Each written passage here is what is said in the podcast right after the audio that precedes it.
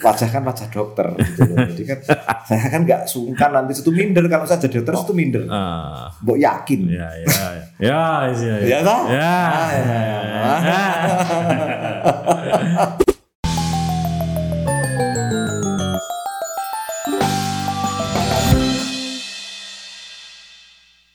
Ya, halo, ketemu lagi dengan saya Putut EA Kepala Suku Mojo dan hari ini seorang musisi yang sangat terkenal di Jogja. Ikon Jogja. Icon. Rodo maju sidik Rene. Maju sidik. Ah, ben suaranya situ yang merdu. Oke, merdu. Eh, ah. datang ke studio kami Mas Sri Krishna Ence. Oke, Mas Putro. Nama penyanyinya itu Sri Krishna. Krishna, Tok, ya. cuman teman-teman, teman-teman, eh, teman-teman marginal. Hmm. Cek, Eh, ayo, saya kalau manggil ya Ence. Ini konco kental saya ini, konco, Iya, konco mimik mimik. Mimi, mimi. Konco hedonis saya ini. Eh, Bro Ence ini seorang musisi yang ya sangat dikenal lah di Jogja karena karir musiknya memang di sini ya Bro ya. Ya, Eh, yang paling saya kagumi dari Oh, beliau adalah tumben loh situ kagum. Jarang-jarang loh. Jarang-jarang baru kali. ya, ya, karena di studio ini saya harus ngomong jujur. Iya. Kalau ketemu di luar kan iya. nyanyian. Ah. Itu adalah daya hidupnya yang luar biasa. Wah. Usia sudah kepala lima, Eh, ya. ya kan? Yui. Tapi kreativitas bikin lagu sebelum bahkan sebelum pandemi ya, Iya. pentas. Album sudah berapa bro? Album saya lima, Loh, masuk lima. lima. Ya, ini juga mau rilis lagi. Hmm, Tapi mungkin single-single. hmm, Ya. ngeri. Dan di saat pandemi ini eh, terus mencipta lagu. Terus karena saya punya prinsip justru di kala pandemi harus produktif. Nek orang stres. Nek orang ya yang bingung, eh, bingung. Karena memang wong seniman itu kan kerjaannya ngalamun. Nah, Sebetulnya ngalamun. namun sambil Sambil genjreng-genjreng. genjreng-genjreng, biar tetangganya itu, wah masnya produktif. kalau di kampung itu kalau nggak produktif dicurigai nanti mas. Eh, Nanti saya misalnya beli kulkas, jadi malah, loh kayak nggak kerja kok gitu. Tapi kalau genjreng-genjreng, oh masih produktif. produktif. Nah itu, kalau nggak ya terus keluar rumah, nanti pulang agak sore, wah masih kerja. Padahal itu strategi. ngopi. Padahal jane ming dolan ning situ, dolan ning ndi, golek kopi. Iya. Bro J ini sejak kapan bro Bermusik. bermusik? Bermusik saya sudah SD. Hmm. Sejak SD kelas 5 saya sudah membuat lagu. Tenang. Serius. Karena memang di keluarga saya itu bukan bukan ya oh, bukanlah bukanlah bu- keluarga musikal. Keluarga musikal. Ya. Hampir hampir semua saya tujuh bersaudara hampir semua bisa main musik. Karena bapak saya seneng, ibu saya seneng musik. Juga bisa main musik. Bisa. Oh. Nah, akhirnya ya terjerumus jadi kayak kutukan. Terus saya masuk Jogja usia 15 tahun baru terus karena lingkungan Jogja kan sangat-sangat anu ya eh, dunia kesenian kan sangat hidup ya dinamis. 15 tahun itu berarti masuk ke Jogja itu SMA ya? Ah, ah. Oh. Terus akhirnya ya itu dari SMA ngamen. Hmm. Era-era dulu tuh kan orang ngamen jarang. Nggak, Hmm. belum ada istilahnya ngamen di bis kota. Ya, tempatnya Malioboro. Itu tuh Hmm. kayak titik sentralnya Malioboro. Masuk Jogja berarti tahun Setahun 80. enggak, 87, 87 88. Oh, Era-era tahun itu. Iya, iya. Era-era tahun itu. Nah, terus ya udah akhirnya terjerumus aja di situ, Bapak. Saya main passionnya di situ. Hmm. Dan saya tidak belajar musik. Sama sekali belum pernah kursus pun saya tidak pernah. Belajar, Belajar gitar dari sendiri ya dari kakak saya main melu-melu pinjem gitu kadang-kadang kan dulu rebutan alat cuman satu Hmm. nanti dipakai saya habis itu kakak saya marah-marah kotor kayak itu Nah, itu Ya. justru mungkin dari itu kita menghargai alat Oke. kalau anak-anak sekarang kan bisa minta beli Ya. alatnya tidak hanya satu Ah. minta gitar dikasih piano yang kaya loh saya ngomong yang Iya, iya, iya. Nah itu bagus banget Hmm. tapi mungkin dari persoalan itu akhirnya mencintai yang namanya alat Ah. Mencintai itu. Nah, akhirnya di, di Jogja SMA kelas 1, satu saya sudah main di kafe-kafe. Wah, punya grup. sudah Sudah masuk. idola temon-temon. Wah, nggak gitu cuman mbak-mbak lah. Dan saya belum nyanyi loh mas, Oh, belum Jadi- masih player, masih player. main main apa gitar? Main gitar sama benjo, Bass. benjo bass. Oh. Jadi era-era itu, era akustik kan kuat. Masih ada lomba vokal grup antar Iya, SMA. iya, iya, Era-era itu kan belum dulu tuh mau ke studio aja Pra susah. project kan mulai dari situ kan? Iya dari situ. Dari lomba gereja kalau nggak Ah, salah ya. kalau saya dari lomba-lomba SMA tingkat Hmm. SMA dulu ada istilahnya eh, B komplek Hmm. dari SMA 3B nanti De Brito juga ngadain nanti SMA lagi itu itu kan jejaring itu terbentuk kita juga saling kenal dengan SMA yang lain Kamu Bob Kri ya? saya Enggak.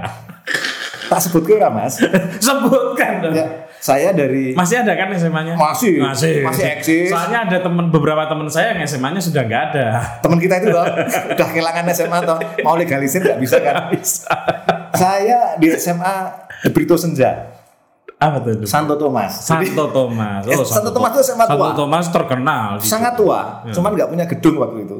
Dia kerjasama dengan De Brito yang sore Hmm, hmm. di Jalan Adi Sucipto. Ngagune De Brito. De Brito Senja. Senja. Sebetulnya mungkin saya diterima De Brito karena jarang bisa bangun pagi, saya akhirnya pilih yang siang. Dulu kan masih ada sekolah siang, Mas. Iya, iya. Sekarang aku ada.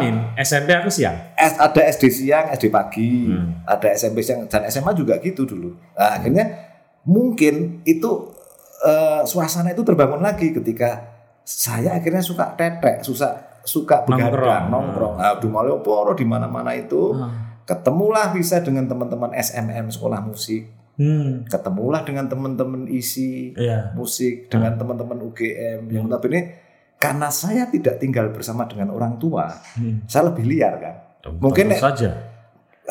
Terus Oh, sampai SMA, sekarang SMA juga liar loh. Lah, iya karena kan? di Rembang ngekos. podo toh Ya belajar ngamen. kemajon toh mas Iya, akhirnya iya. kalau orang anak kecil itu remaja itu bebas rak suweneng Hmm. biasanya kan pamit bapak mbok nih Dan karena itu saya hampir nggak lulus SMA. nah, itu malah harus nggak lulus sebetulnya anda normatif saya nggak suka Tenang, saya itu hampir nggak lulus SMA. kok situ saya Situ lulus kan? Saya oh enggak, lulus. kamu akhirnya kuliah di Atma Jaya kan? ya saya akhirnya bisa kuliah di Atma Nah. Kuliah saya banyak mas Oh ya, saya di kuliah di tiga tempat tenang nih. iya Satu Atma Jaya. Atma Jaya. Atma Jaya terakhir lah ya. Atma Jaya yang lulus Lulus. lulus. Oh, situ lulus kok. dulu lulus. Itu rupanya educated. Buat dilihat dari penampilan saya kan sangat halus educated sopan. Itu. Temoto, Tem- temoto. oh, saya, saya sangat temoto punya adab. Nah itu. Saya bisa lulus. Tapi aneh mas saya justru jarang kuliah. Dulu kan titip absen nih so Sebentar, selain di Atma Jaya di mana? Jana Badra Oh, Jana Badra. Oke. ada lagi Keren-keren itu. terus Duta Wacana Oh, ya keren semua. tiga ini yang saya terdaftar tapi aktif saya di UGM Oh, oh. Dikenalnya saya. anak Dikenalkan gelanggang. saya anak gelanggang anak sastra UGM Saya kira dulu kamu juga orang gelanggang. sampai orang bagian Orang pengajaran UGM. Mas kue ini lulusmu kapan karena saya dikira anak UGM Iya, iya. Padahal saya enggak, saya hanya sejak SMA suka main di Bonbin UGM. Game. Terus ke gelanggang, ya itu kembali lagi bahasa musik. Hmm. Karena akhirnya saya bisa terlibat main di Sastromuni. Hmm. Hmm. Saya banyak sekali grup dulu. Pernah di Sastromuni Nah. yang punyanya anak-anak sastra. Ya, tahu, tahu. saya Sastro, tahu. kalau nggak salah Sastromuni yang seri 2. Nah, Kalau nggak karena seri dua, sastra muni ah, itu terus toh terus regenerasi kayak- kan. Kalau di Filsafat Sunday morning. Ah, nah itu terus dengan dengan teman-teman anak eh, sospol. Mm-mm. Terus saya juga punya grup dengan kelompok suara ratan. Dulu ikut di situ juga. Saya tahu suara. KSR, KSR. kelompok dagelan. Oh, itu ada kamu. Iya. Ah. Terus pernah juga grup musik humor lagi dengan Anang Batas, dengan Kelipur, Kelipur Lara, Aldo Iwa Kebo, Almarhum Gara, Oh. Apa namanya? Maju Mapan, Cuma empat. 57 Yang Balai Bengong itu bener. Balai Bengong itu grup saya yang asli. Oh, yang lihatnya palsu. itu yo mungkin saya ganteng ya diajak ke sana sini sebagai cover boy pada waktu itu gantengnya surplus itu loh iya, iya, iya sih. Sampai sekarang, wow. wah saya itu sampai heran Eh, tapi nanti ditonton istrimu loh ini. istri saya paling takjub itu terenganga melihat saya paling, paling itu mas nah, tapi grup oh, basic saya Bali Bengong Bali Bengong Saya Balai Bengong tuh dulu terkenal banget. Itu musik reggae, Hmm. rock and roll. Iya. Masih Sering nonton. nah. Saya kebetulan yang mencipta lagu-lagunya di situ saya. Saya itu kan seneng gawe. Mm-mm. Terus Maksudnya bikin lagu bikin lagu. atau Bikin lagu. bikin grup musik Ya, atau bikin masalah. yang terakhir. Karena seniman kadang-kadang memang harus punya masalah. Eh, oh ya, harus. Kadang-kadang berkonflik, ada dialektika. Iya. Oh, eh. Nah itu. Terus ya nyanyi cover. Tapi belum penyanyi. Saya masih waktu di Balibong saya main Di Bengong belum enggak Belum. ini ya. saya hanya baking ya. baking soda. Baking soda. Jadi saya suara duanya, vokalis utamanya ada gitu loh. Nah, itu saya yang menciptakan lagu-lagunya juga mengcover lagu-lagunya Bob Marley, lagu-lagunya Beatles segala Hmm. macam. Betul. Itu saya bikin grup itu karena pernah juara musik Beatles juara satu. Ya tahu juara juga sih itu ya. Saya orangnya gampang juara. saya terlalu gampang juara itu. Seneng anak nol pede ini. Iya, saya gampang juara, Bung. iya sih. Ya karena justru karena saya mungkin sebenarnya nggak pede. Enggak, enggak, enggak. Bedanya ya eh, situ sama mungkin pemain-pemain yang lebih muda ya. Saya nggak mau tidak semua tentu saja. Nyanyi biasa dengan albumnya itu mirip. Mm-mm. Paham nggak? Nah, Ya itu artinya kapasitasnya memang mumpuni gitu loh. Oh, iya. Nggak dibantu dengan alat. terus apa meneh? saya memang menunggu ini Anda menjerumuskan di wilayah mana. Kalau istri saya lihat kan paling ya, wow, oh ya, rada dihapus sidik ra ngomong. Enggak terus setelah Balai Bengong Kalian bingung? Saya grup itu pecah. Di situ banyak oh, teman ada Eh, ada teman-teman yang mungkin ada kenal ya mungkin ada Oni Krisnarwinto itu Oni Unfriend itu. Sound ini ada pernah terlibat teman-teman Wawan segala macam. Mas Dodo yang mereka sampai sekarang masih ke di musik. Hmm. nah terus akhirnya itu selesai karena banyak ke Jakarta Exodus kan. Era-era era-era itu kan banyak yang player main ke Jakarta. Hmm. saya masih tinggal di sini. Mereka ke Jakarta untuk sebagai pemain musik. Oke. Kayak Mas Oni akhirnya jadi eh, konduktor arranger Iya. terkenal band-band terkenal ya, di ma- di di di media-media Hmm. akhirnya saya tinggal saya maksudnya teman-teman ini ada yang di Bali ada yang pecah menjadi penyanyi kafe band kafe saya sendiri bikinlah grup lagi Hmm. Krishna and Friend Hmm. atau boleh bilang C and Friend itu sebagai home band Hmm. misalnya ada itu saya masih mau masih mau tanggapan wedding Hmm. atau ada artis dari Jakarta Emang kita sekarang ngirim. mau weddingan? saya tidak Kenapa? Karena- Nggak seneng ya lihat orang Bukan. bahagia. Se- saya seneng wong saya kan nikahnya aja berkali-kali Enggak, cuma enggak dua enggak kali. dua kali itu band kita tadi seniman mas tahu cerai gitu. jadi itu akhirnya saya bikin itu kayak kayak home band jadi misalnya ngiringin artis tetap posisi player Krishna and Friend atau C and Friend jangan dan penyanyinya siapa Enggak, belum Krishna dong pasti namamu. masih Krishna Krishna Hmm, Krishna and Friend penyanyi saya siapa waktu itu Siapa? Paksi Oh, Paksi, Paksi. Oke juga suaranya ya. Nah, waktu itu Paksi masih nyanyi dengan saya, saya ikut ngiringin sama teman-teman Jasmine ada Pram. Iya, Pram, tahu tahu. Pram. Jasmine, Pram Dodo, Ya, ya, ya, Mas ya. BG, Saya penonton fanatik Jasmine. Jasmine. Ah, juga. pernah dengan itu dan sampai sekarang mereka eh, session player saya juga, Hmm. Mas Pram. Nah, itu masih di tentang itu saya itu belum nikah ya. Oh ya, penting ya Terus? itu ya. Akhirnya saya kan harus nikah. Yo, siapa yang mengharuskan? Siapa yang mengharuskan? Itu loh, saya sebenarnya tidak mengharuskan menikah. Lah iya. Tapi moro calon moro tua itu mengharuskan menikah. Wow. Ya ngerti dewi toh, tidak kehilangan mantu ganteng, Oh, tidak kehilangan mantu iya. putih resi. Ya. Sampai bilang sama mertua, Mas Anda itu albino ya? Enggak Pak, saya kelebihan pigmen. itu. Nah, era itu, maaf lo ya, kadang-kadang mungkin di kesenian kurang begituan lo ya. Apa? Eh, bukan tidak terhormat, tapi calon mertua atau orang tua saya sendiri, bahwa Hmm. kamu itu kerja yang normal. Oh, kesenian dianggap gak normal. Mungkin Atau men- menantunya yang dianggap gak normal. Sebetulnya menantunya enggak. Cuman butuh legalitas yang yang kita ini di di tinggal pas lamaran ini udah kerja. Iya. Akhirnya Karena penyanyi dianggap belum kerja, musisi Saya- dianggap gak pekerjaan. kerja dulu menjadi di pabrik garment. Hmm. Tapi musik musik terus loh. Hanya si Oh sempat pagi- kerja ya situ ya? sempat kerja setahun di garment menjadi apa? Garmen mana nih? Jogja? Jogja di Jalan Ring Road Barat Oke. itu jadi penjaga gudang. Hmm. Ya mungkin Nah kalau itu malah cocok. sebetulnya saya aneh. Udah gibal belum?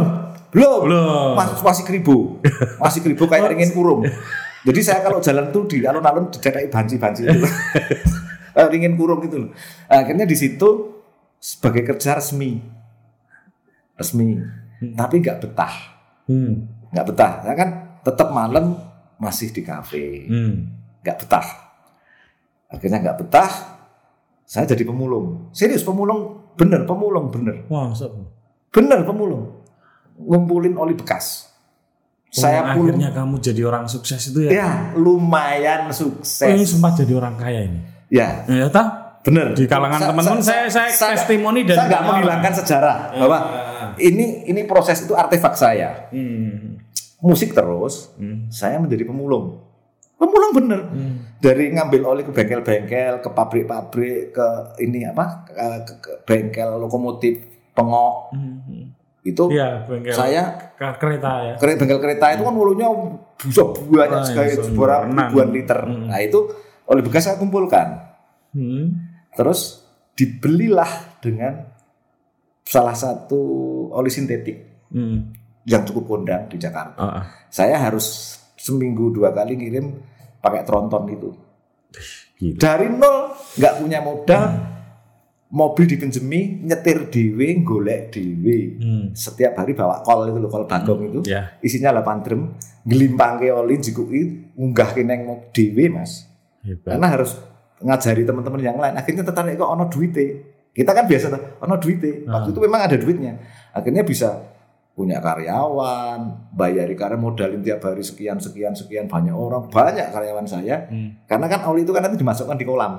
Iya. ditampung baru nanti kalau sudah penuh ditelepon Jakarta ambil. Itu. Ya, itu sampai wah macam-macam lah kalau cerita itu aja udah Ya, serem. sampai sukses lah itu ya. ya alhamdulillah Ah, lumayan ya, konon katanya sampai akhirnya kaya itu. bisa menikah Hmm. bisa menikah tambah lagi saya di tanah kelahiran saya buka lagi di sana Itu dari mana sih, Bro? Banyak orang mengira kamu dari Brazil, ada yang bilang dari dari- Ambon. Rohingya tepatnya Enggak, tapi dari mana? dari Wonogiri Wono, eh, ya, Wono Wonogiri. itu hutan, Giri itu gunung. gunung di Wonogiri Eh, di Wono- bapak Jogja ibu Wonogiri akhirnya saya lahir Terus? Jogja Bisa punya wajah yang sangat ganteng gini nih. Nah, itu kelebihan saya bahwa saya itu orangnya gampang adaptasi. Hmm. Jadi nek karo wong ganteng jadi ganteng.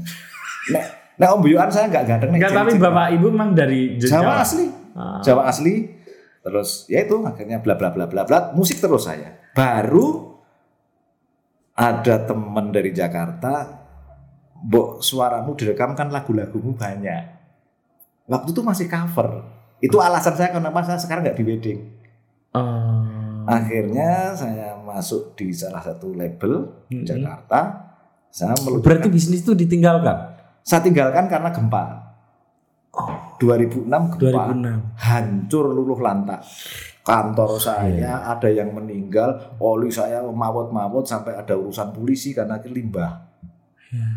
Dan Itu saya berhutang habis ratusan juta lah waktu itulah. dari mulai kaya minus. minus ler karena terus semua orang juga berbisnis itu karena kalah saya cash flow-nya istilahnya sekarang cash flow-nya Iya, iya, ya terus profit marginnya jadi kurang karena Kurang. mohon maaf ya kadang-kadang pemulung itu kan nggak tertib mentalitasnya kadang-kadang di kayak model baru kira orang mbak orang orang store nggak store barang di store ke wong liya karena kan persaingan udah ketat Ya, ya. Yaudah nggak apa-apa bahwa saya tidak menyesali sampai Punya utang. punya utang rumah di polis lain bung iya Drama betul. di polis lain karena nggak bisa bayar Rumah yang itu atau enggak? Bukan, saya- ya. Yo, elek rumah saya telu waktu itu. Nah, ya maaf, mohon maaf loh. Iya, iya, iya. yang satu Iya, kredit, iya. yang satu bisa beli itu. Terus akhirnya saya harus hutang ke rentenir untuk biar tidak dipolis lain. Bunganya 30 persen rentenir. Buh, setahun. Yang rentenir nyebrak itu kan ngeri kalau perorangan. Buset. Tak tutup dulu akhirnya nggak bisa disita. Akhirnya saya nyanyilah di Jakarta. Untuk membayar utang. Alhamdulillah terbayar. Dari single saya bisa melunasi utang itu. Hmm, jadi ada ada jejak kesuksesan dari Jakarta juga ya? Ya, saya amini itu saya benarkan. Nah, terus itu saya bikin album kedua, album Hmm. mimpi. Album pertama itu apa nak? Bicara. Tajuknya bicara. bicara yo iso gayane sok kritik sosial kalau mas Itu Hmm. kan kalau aku nyanyi lagu cinta kan yo mesti ramutu toh Hmm. wong rupane kok berhala ngono lagu cinta kan saya kan gak enak kan saya sadar sini nek ini saya ngomong Dan saya era itu memang ini ya masih banyak lagu-lagu. era-era kritik sosial. saya kan generasi songo wolu Enggak itu tahun berapa ke Jakarta? 2000 6 itu juga ya? 2007 jadi Tujuh saya ya? Oke, waktu oke. itu kan apa istilahnya kalau bank itu di kayak di recovery itu apa namanya sing sing uh, udah nggak usah bayar karena gempa Heeh. akhirnya bukan pemutihan ya bayarnya dari sidik itu loh maksudnya Iya, ah, iya, istilah iya. perbankan saya nggak Nah. paham itulah akhirnya saya bisa itu bisa melunasi bisa lunas ayem nah, orang saya ngomong domestik ya Ya, ya. karena di waktu di di di, di masa itu terjadilah goncangan domestik Hmm, yo nek diomongke ora apa-apa. Ora penak udah dikira aku holy man ya. Nah, Itulah akhirnya dari itu saya benar-benar bisa menikmati jadi penyanyi, mau jadi penyanyi. Nah, karena Sebentar, itu sudah mulai nyanyi atau masih jadi pemain? ke Jakarta itu jadi penyanyi, Hmm, merekam lagu-lagu saya, Oke. muncul album saya. Berarti album pertama itu sudah suaramu Sudah. lah ya? sudah pede menyanyi. Jadi sebetulnya saya karir menyanyi saya itu masih pendek. Kalau bermusik panjang. Tapi karir menyanyi saya itu baru boleh dikatakan 2009. Belum lama. Belum lama. Tapi Ah. lagu-lagu saya ada juga yang dinyanyikan orang. Hmm. Karena saya tuh seneng gawe lagu. Hmm. Itu loh seneng misalnya dulu jenengan ngono wah putut adalah Hmm. eh, dengan semiotikanya. Hmm. Oh, iki C mayor, Oh, mayor. C. jelas. Neng kita enak uripe minor terus. Oke minorin aja situ. Enggak usah mayor. Kayak gitu ya. Oke. Itulah akhirnya terus terus terus terus terus bikin terus akhirnya pulang lagi ke Jogja setelah aman. Kenapa pulang ke Jogja? Mungkin passionnya Kan ya. sukses sudah di Jakarta. Gini mas, di saya itu kan wong lokal, jadi saya nggak punya Iya, Mas. minat. Aku ki wong desa, Hmm. yang Jakarta ki bukannya nggak suka, passionnya mungkin nggak pas. Hmm. Ulanglah ke Jogja lagi, bikin indie. Eh tapi ngomong-ngomong musisi Jogja yang sukses pulang ke Jogja banyak ya. Banyak Duta eh Sila on Seven. mereka sukses sukses. Nek saya itu kan neng jalur sing beda. Hmm. Nah itu tadi alasan saya nggak habis saya menyanyi itu saya nggak mengcover lagu. Saya tidak mengcover lagu. Jadi- Apa hubungannya? Ya mesti lu apa sih ngasih nek ngapur suaraku elek. Saya kan bukan penyanyi sing iya iya. iya. festival sing Saya itu karena kan- ketika menyanyi langsung bikin album Ah, makanya nggak mungkin. nggak mungkin satu hal itu Iya, kedua iya. nek aku nyanyi lagune God Bless misalnya gitu ya mesti HP Ahmad Al Jabar bangane saya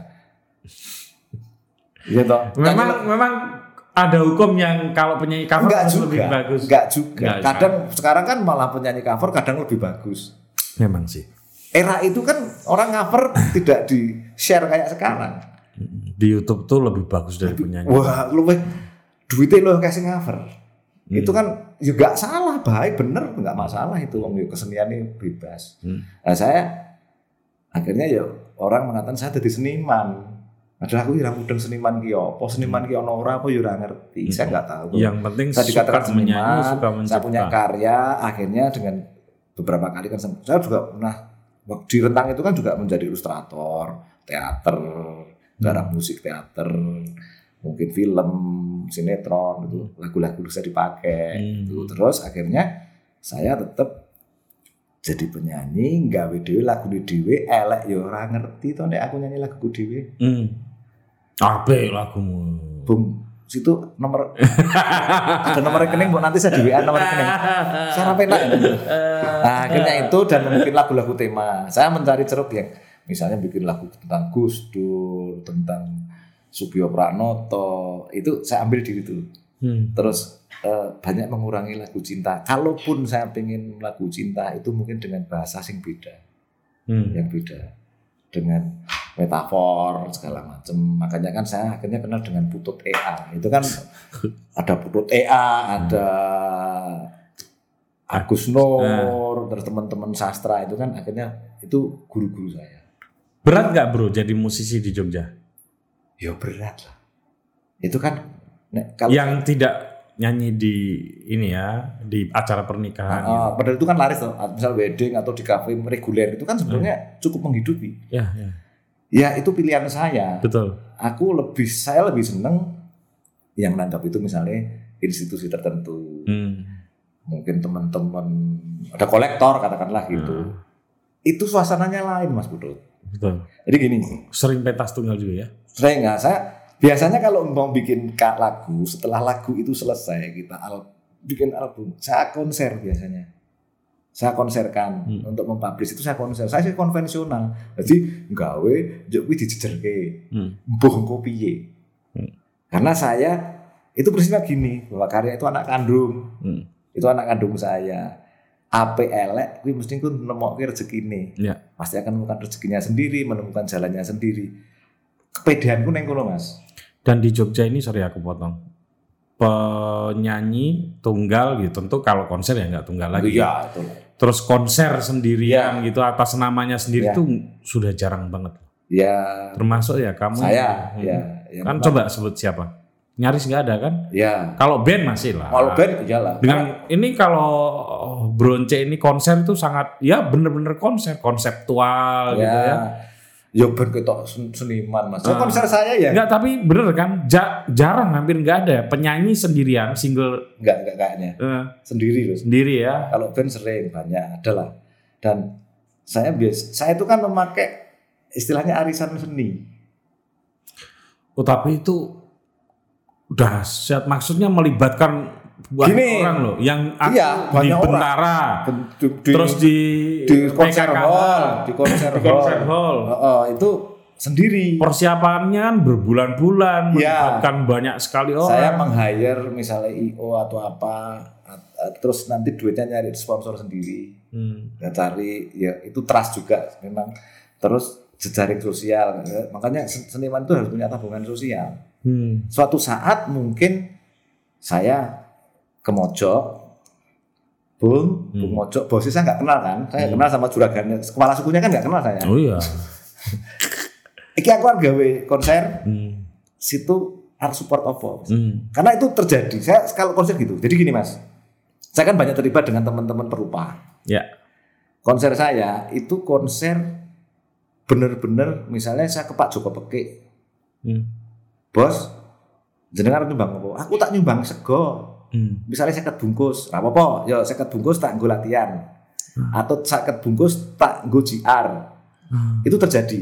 Oke. Terus pas konser, karena ini sudah saya sudah dapat sponsor dari sana sini, bagaimana caranya player saya terbayar dan bagaimana caranya penonton tidak bayar, Hmm. tapi bayarnya pakai telo.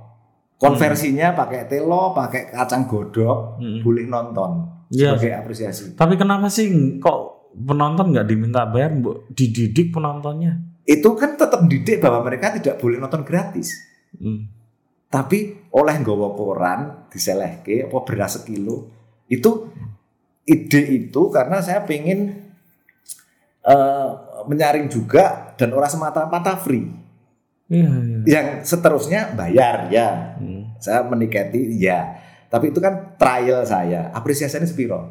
Nek wong nonton tanpa bayar itu kan akhirnya sebenarnya nggak mendidik. Betul. Tapi ketika Apalagi di tempat yang terbatas ya. Sorry, kayak konser hall. oh iya konser hall Oh itu kan jelas terbatas. terbatas. Kamu mempersiapkannya dengan tim sangat serius. Ya. Ya bayar mestinya bro. akhirnya kan bayar. Hmm. Yang awal-awal saya mencoba tes case-nya gitu. Hmm.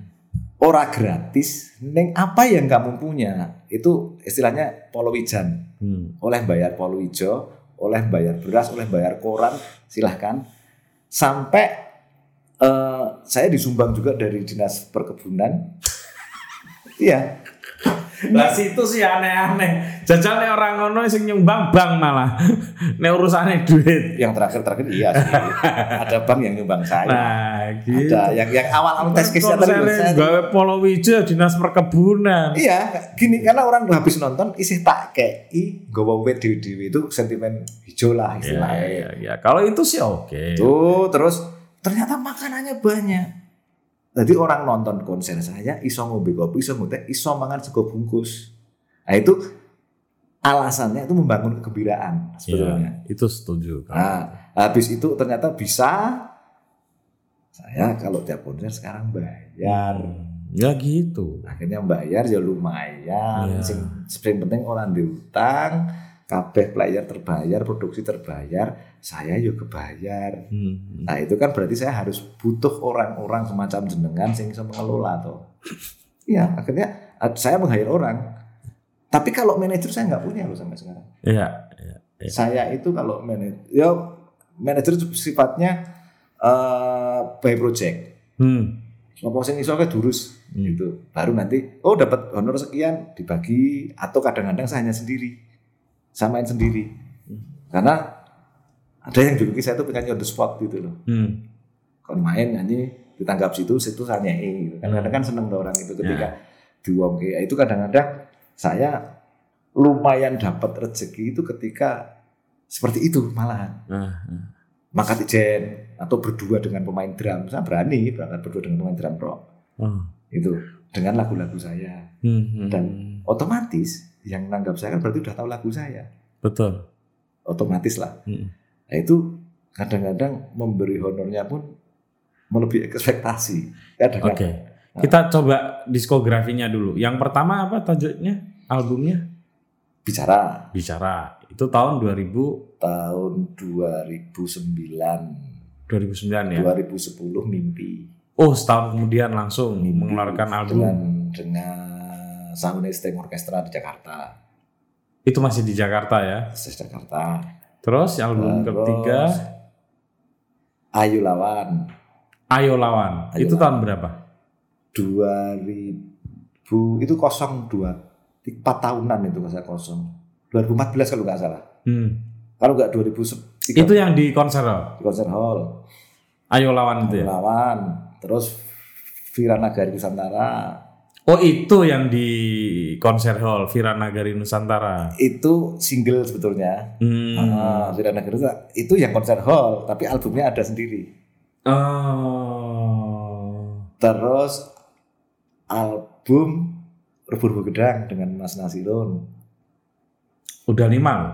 iya makanya kan tadi- Terakhir terakhir 6 berarti. oh, oh, terakhir ini yang yang di konser hall itu Celeng Degleng Careng Degleng. Celeng Degleng Careng Degleng itu di PKK bukan juga ya? di konser hall di Ka- PKKH itu aku malah lali ya Bu. tapi judulnya apa Kan setiap konser saya kasih judul loh Eh, aku bisa lali ya yang ada Ganjar Pranowo.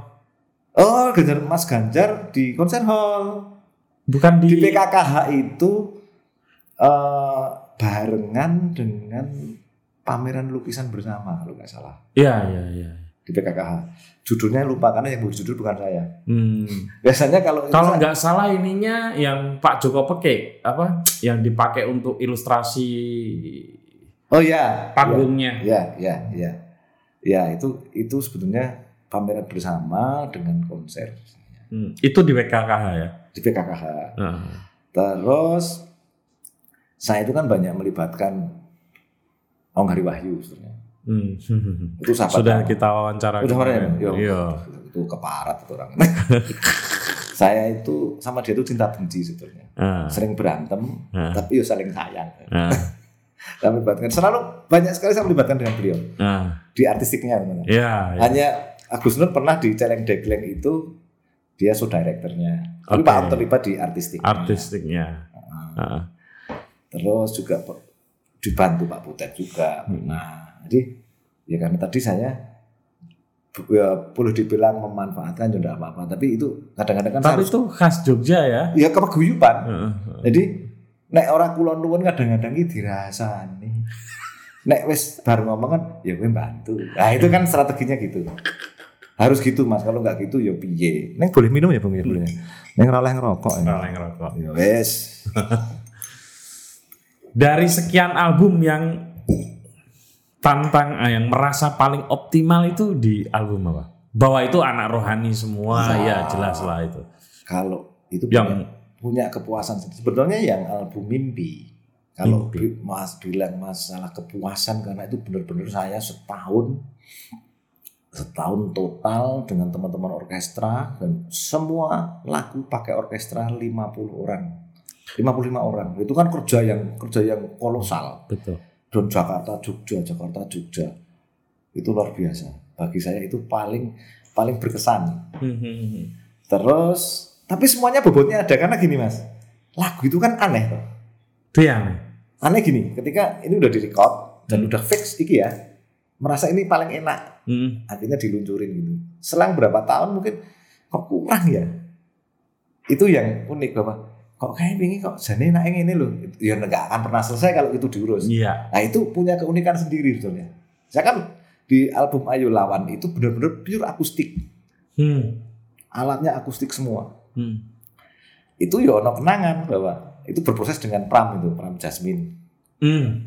tuh itu ya berkesan cuman kadang-kadang iki pasti sing ngrungokke segmen iki pasti sing ngrungokke iki gak gak semua eh, saya mer- merasa nggak semua orang bisa mendengarkan enak nah itu kalau saya pribadi seneng bahwa iki zaman iki kualitas audio ini ini Kualitas musiknya itu. Iya, iya. itu lucu tapi kan Hmm. kalau kalau di generalisasi orang akan bilang oh kualitasnya jadi apa sih album iki Ah, ah, ah. gitu tapi secara pribadi saya senang semua bahwa itu proses bahwa itu penanda saya ada penanda-penanda di tiap tahun itu Dah. Kalau bikin lagu itu bro, punya ide dulu atau ada pesanan dulu?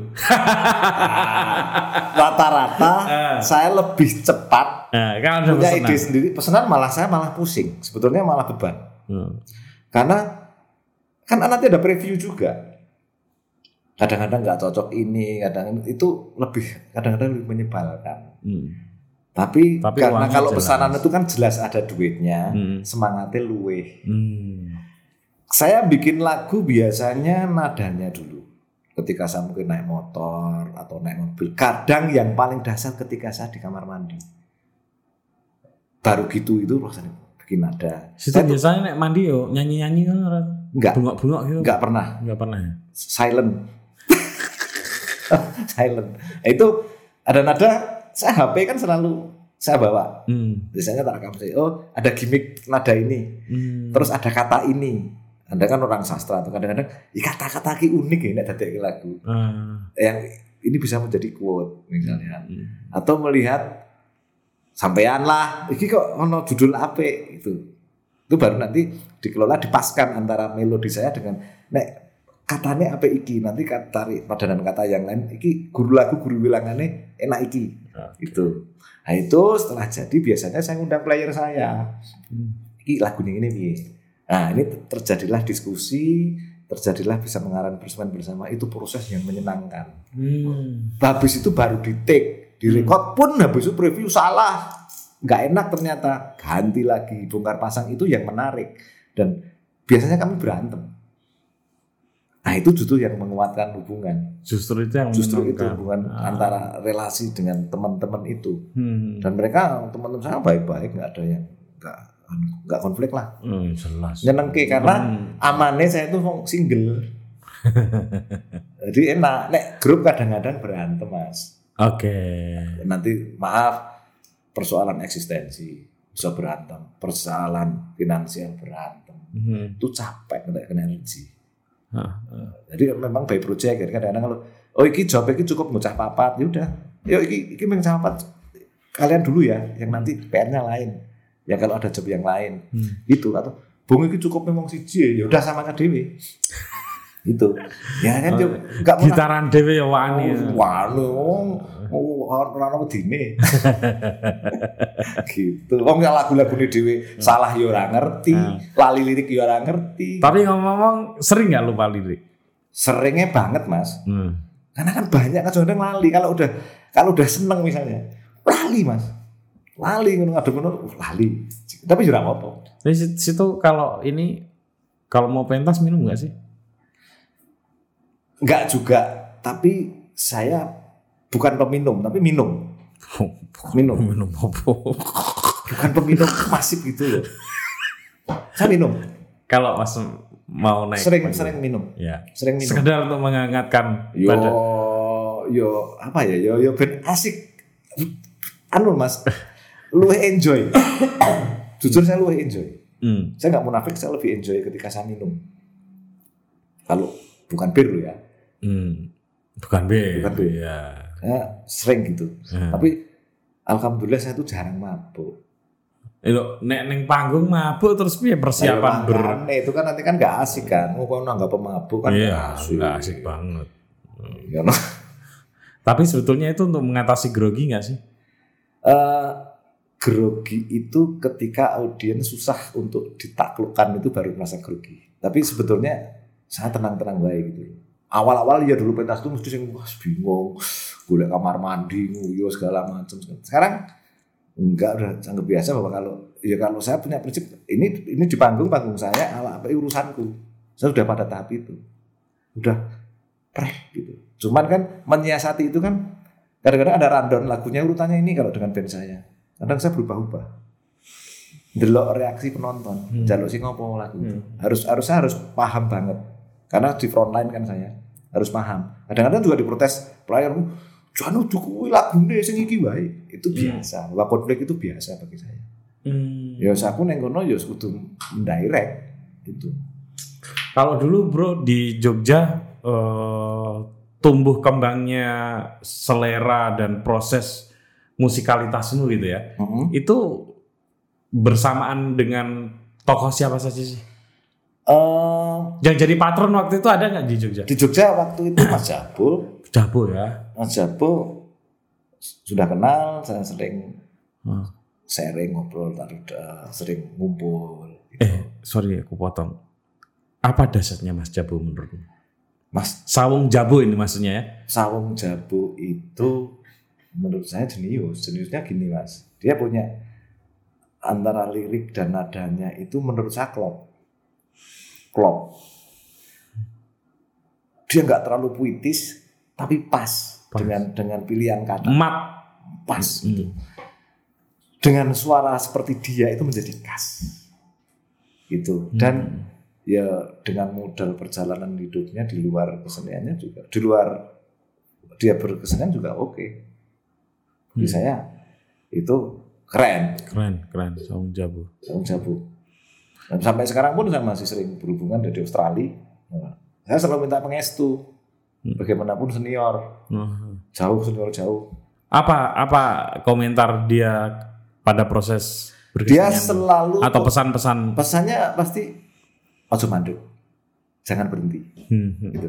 Nah saya paham banget bahwa sebenarnya ya harus kudu berkreatif wis wis berkreasi bang udah seperti kutukan tuh nih ya sekarang ngomongin aku tadi dokter wis ra iso. Ya. Padahal ngerti dhewe toh. Wajah kan wajah dokter gitu loh. Jadi kan saya kan nggak sungkan nanti itu minder kalau saya jadi dokter itu minder. Ah, Mbok yakin. ya, ya, ya. Ya, ya, Ya, toh? Ya. Ah, ya, ya. Ya. Selain Mas Sawung Jabo, Ehm, saya dulu waktu muda itu banyak eh, instrumen musisi-musisi barat sebetulnya. Waktu itu kan Oh, gayanya kok gengsi toh. Sopo jal nih musik barat. Saya dulu penggemar Denver sama Simon Garfunkel. Itu, itu seneng banget karena dia menyanyi, apalagi Denver nyanyinya kan ikhlas. Orang sing nyanyi ora tulus lah.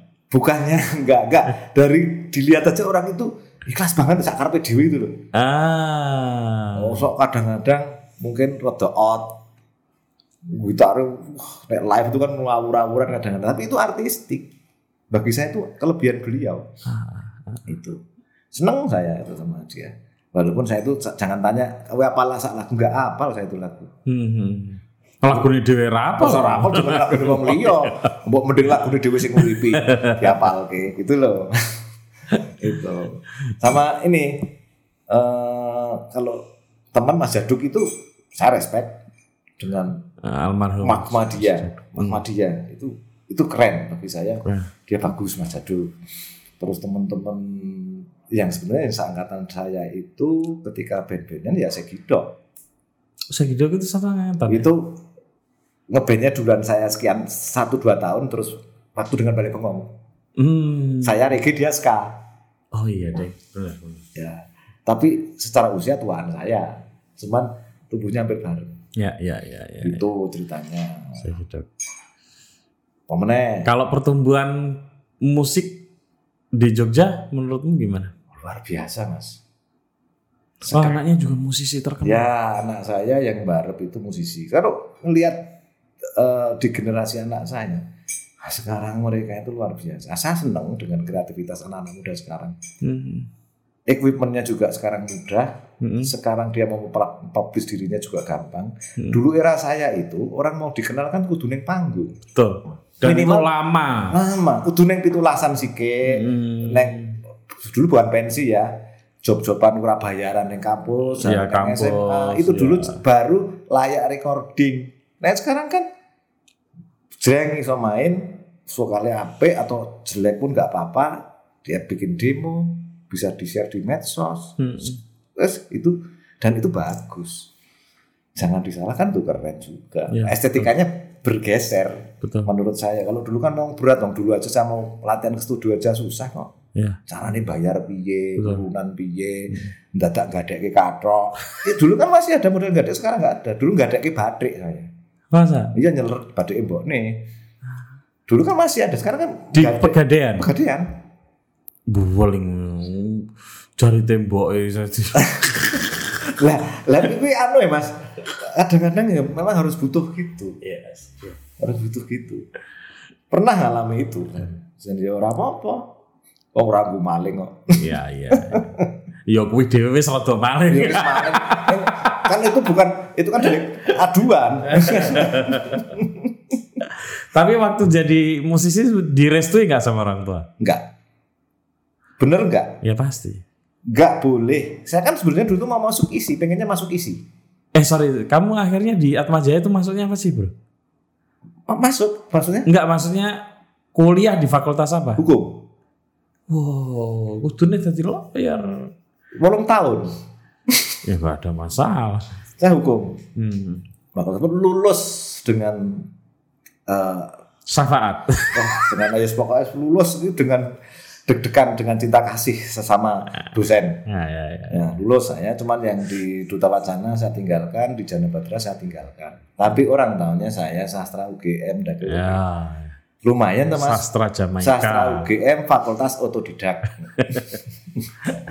Enggak direstui orang tua. Enggak, bapak terutama. Kalau ibu sih enggak masalah, bapak enggak suka karena saudara-saudara pegawai. Jadi lulus kuliah tadi pegawai negeri, ya enggak mau. Walaupun bisa main musik Ya, semua. eh, dan mereka manut, saya itu sih nggak tahu manut. Hmm. Sampai sekarang, jadi mbok saya itu kadang-kadang ibu saya itu ya iso urip le. Hmm. Ya urip ibu. Oh, Ya, non saya di rumah. Iya. Ya, yo yo sudah mau ngomong gini. Hmm. Dia itu ini yang ini. Udah mobil. Yo, loro meneh. Waktu dia ngomongin dia itu. Ya gitulah. Hmm. Ceritanya gitu Mas Budo. Terus di saat pandemi ini bikin lagu apa saja, Bro?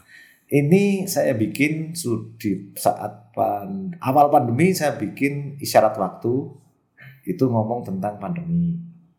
Terus habis itu ada konser juga di kala pandemi saya konser Ya. virtual Heeh. dua kali malahan itu seneng banget saya bisa konser dua kali. Tetap kudu bukannya kudu eksis tetap ayo tetap bergerak. Hmm. Terus habis ini saya bikin lagi lima lagu sudah saya record tinggal satu yang belum saya record itu nanti akan saya luncurkan sebagai single temanya juga masih sama tentang eh, kalau ini kan kalau yang kayak Ceng Dekleng itu isi kayak era-era songo wolu mungkin pemberontakan kalau sekarang saya ngomong tentang kemanusiaan Hmm. keberagaman Hmm. terus tentang hoax Hmm. dan yang baru saya bikin klipnya itu tentang ibu cinta saya tentang ibu Hmm. itu saya kolaborasi dengan Mas Agus Nur Hmm. liriknya beliau saya songnya Hmm. Hmm. itu ini baru saja selesai ini baru baru baru preview video klipnya Hmm. Tuh. Itu gua anu Mas, ngisi kekosongan bahwa yo seniman itu butuh gerak lah. Hmm. Begitu. Kalau pandemi ini berlangsung cukup lama Hmm. gitu ya. Oh, Kira-kira apa yang yang perlu dipersiapkan oleh para musisi termasuk situ? Kalau saya harus dengan sikap digi- digital jadi Maaf saya, teman saya yang musisi kan juga banyak. banyak ya. Nah, mereka kena semua. Ya, berdampak semua. Mas. pentas sampai setahun Oh, iya. itu. Ya memang beda, nggak ada impact ketika kita ya saya kan sering virtual, Hmm. pentas virtual atau webinar saya nyanyi gitaran dewe ngobrol itu kan kadang sering. Hmm. memang aman. Saya masih dianggap aman. Masalah ekonomi untuk pas sekarang pandemi ini. Hmm.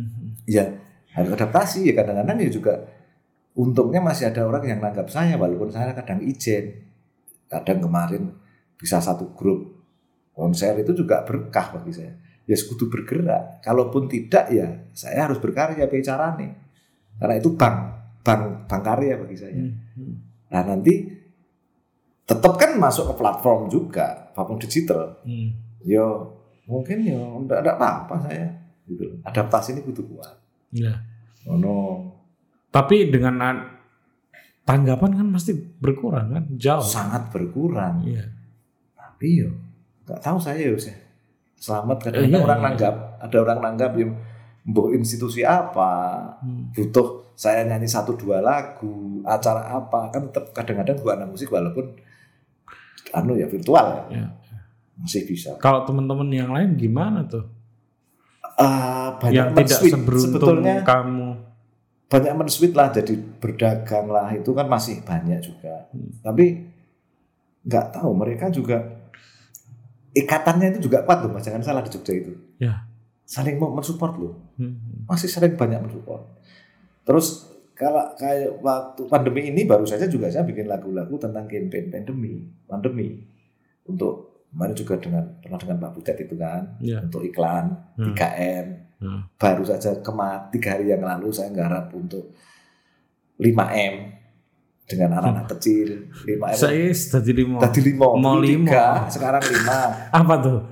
Eh, masker mencuci tangan mobilisasi ah, banyak banget kali aku Lima kok banyak Lah, ya, banget. Lima, kudu apa loh? tiga apa telu Eh, maskeran. maskeran Mau menjaga mencuci tangan mencuci tangan. menjaga mobilitas Ya, menjaga jarak. menjaga jarak Bener ah? bener menjaga terus di rumah saja ini apa ya pokoknya diam di rumah itu yang satu saya lupa Hmm. itu itu itu rodo gampang ya ini kan cuma dua menitan satu menitan Hmm. itu masih ada job gitu gue campaign campaign gitu Hmm. terus ya ada beberapa bikin musik iklan Tuh. Pernah nggak ini terakhir nih? Warna waktunya udah oh udah hampir sejam. Kalau misalnya ada la- lagu pesanan, Oke. ya kan? Ya. Terus nggak dapet dapet nih idenya. Ya, Itu gimana? dong. Gimana terus? pernah. Akhirnya ya itu kan persoalan kesepakatan yang yang aneh saya kesepakatan dengan harus berdamai dengan diri saya. Ah. karena gini aku orang pas juga gawe pesen bikin lagu ini. Ketika sudah pada udah deadline-nya ya ya sudah tak sepakati bahwa ini yang terbaik. Akhirnya gitu. Tapi kan saya berusaha berikhtiar menurut saya baik dulu. Ukurannya subjektivitas saya bahwa iki aku wis mantep. Itu kadang-kadang untuk ngomong mantep itu bisa terjadi kok orang mantep-mantep ya? Kadang-kadang selamatnya gini bu. Menurut saya pesanan ini nggak mantep terus saya bagikan ke orang yang pesen Mhm. udah mas ya udah selesai. Nah, padahal jane kira mantep. aku soalnya itu pernah kan aku lima empat sampai lima tahun lah pernah jadi bener-bener murni menulis ya, Ya. menulis cerita pendek terutama. ya Itu kan kadang media itu pesen ke aku. oke Jadi ya pesen kadang-kadang ya namanya juga orang dulu ya maksudku ya kita hidup dari menulis. Hmm. Jadi kalau misalnya ada redaktor Mas betul ada cerpen yang ini apa stok cerpen gitu. Aku Hmm. bilang ada tapi bohong saya sebetulnya. Sebenarnya nggak ada. Terus saya tanya "Eh, mau yang tema apa Mas gitu. Oh, Iya, yang temanya gini. Oh iya ya, saya kirim eh, sebelum sebelum jam 7 pagi gitu. hmm, ya Baru saya bikin. bisa saya pernah juga Nah, memang kadang-kadang ya bagus menurut saya. Ya, Tapi kadang-kadang yo seanane. sana nih toh. Nah ya udah apa bagi saya nggak apa-apa. Nah, tapi yang menarik adalah ketika itu diunggah atau ditayangkan oleh media massa, responnya tuh kadang-kadang malah lebih bagus yang yang yang enggak di ini. Iya. Yang kita malah merasa Bahwa itu bukan masterpiece ya katakanlah. ya, yang enggak merasa marem gitu. Marem, Ya, yo jadi biasa. mm, Iya, pasti saya juga gitu kok. Podo kok. gitu ya. Podo baik. Di kesenian tak pikir sama. Terus untuk meng, apa ya, mengasah terus eh, naluri berkesenian, sensitivitas, sensibilitas gitu. Apa yang ada disiplin-disiplin tertentu nggak? Secara prinsip enggak, Hah? tapi nek delok ATM ini kurang. Urupnya jatuh debet kadang-kadang saya langsung Ah. ukurannya wah ini kok limit sih Ah. ya caranya gerak saya bikin Duh, entah buat apa tapi saya tuh berusaha dalam seminggu harus menjadikan satu lagu entah itu nanti disimpan dulu ini Hmm. untuk busana untuk kapan untuk bank saya berusaha gitu terus dan nulis kalimat Hmm. itu saya nggak bisa nulis tapi nek lakukan sedikit Ya. Wes, ide apa gitu. Teman gitu. Itu mengelola mahmanya seperti itu. Iya. Saya harus punya mahma. Hmm. Kalau seusia saya nggak punya mahma ya wes 12 tahun. Iya bro. Iya. Berkesenian itu pertaruhannya di situ. Iya. Usia makin tua itu mestinya kreativitas tuh nggak boleh makin padat. Iya. Hmm. Nah, itu mengelolanya yang treatmentnya itu yang susah. Makanya Iya, betul. dulan, nyek-nyekan, Hmm. hura-hura itu penting bagi saya kan membangun kegelisahan gitu. Hmm. Terus nyawang anaknya, wah ini yang targetnya anakku sebar sekolah itu itu sih. Kadang saya ambil itu daya hidup daya hidup itu harus punya daya hidup daya hidup itu daya hidupnya itu Loh, tapi itu kan nggak apa-apa, nggak apa-apa loh. Itu sah loh. ya sah Kehidupan kita punya masalah, banyak masalah, iya dan sebagian dari masalah itu menimbulkan energi kreatif. ya itu harus. Orang nggak bisa bayar anak mau Ya. masuk kuliah perguruan tinggi kan butuh duit banyak tuh. ya, Ya harus berkarya gitu. Itu kan wajar. ya harus gitu Saya pengen punya mobil gitu. nah, Ya harus berkarya. ya makanya itu itu yang merangsang Hmm. menjaganya itu seperti itu mahmanya harus dihidupkan terus baranya Betul, harus betul. tetap itu Hmm. dan saya kan punya prinsip bahwa seniman itu tidak ada pensiunnya Makanya Ya, itu, itu saya- ada ancaman yang lain tuh. iya Sebelum pensiun kalau sudah keropos atau mati Nah. api kreativitasnya bahaya. bahaya Bisa jadi rasan-rasan nih wong. Meng tadi perbincangan orang-orang ngerepoti. Kayak ngerepoti mikir rene gula utangan terus memalukan sekali. Oke, Bro. Oke, Sukses selalu ya. terima kasih Mas Sip, Putut. ya. Ini semoga eh, album ketujuh berarti ya. Ya. segera bisa di apa terbitkan, Ya. ditayangkan, di platform. dikonsumsi oleh banyak eh, pendengar di Indonesia. Oke, ketemu lagi dengan tamu saya selanjutnya.